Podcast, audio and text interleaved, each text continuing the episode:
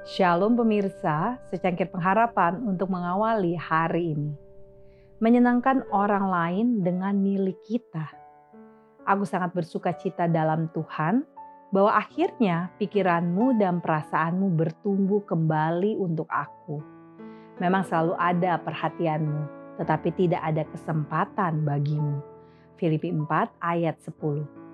Kebijaksanaan ilahi telah menetapkan dalam rencana keselamatan hukum aksi dan reaksi, membuat pekerjaan kebajikan di semua cabangnya diberkati dua kali. Dia yang memberi kepada yang berkekurangan memberkati orang lain, dan dirinya sendiri terberkati dalam tingkat yang lebih besar.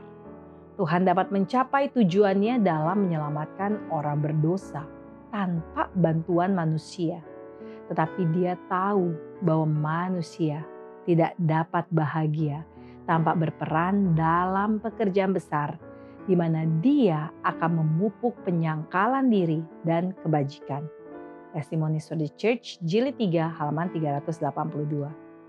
Allah secara positif memerintahkan kepada semua pengikutnya kewajiban untuk memberkati orang lain dengan pengaruh dan milik mereka dan untuk mencari hikmatnya yang akan memungkinkan mereka melakukan segala daya mereka untuk meningkatkan pikiran dan kasih sayang orang-orang yang ada dalam jangkauan mereka.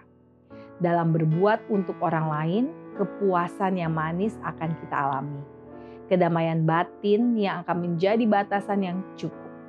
Ketika digerakkan oleh keinginan yang tinggi dan mulia untuk melakukan kebaikan bagi orang lain, mereka akan menemukan kebahagiaan sejati dalam pelaksanaan yang setia dari berbagai tugas kehidupan.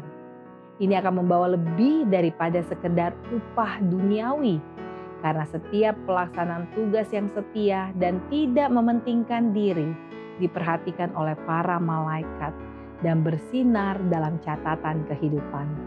Di surga tidak ada yang akan memikirkan diri sendiri, atau mencari kesenangan mereka sendiri, tetapi semuanya didorong kasih yang murni dan tulus akan mencari kebahagiaan makhluk surgawi di sekitar mereka.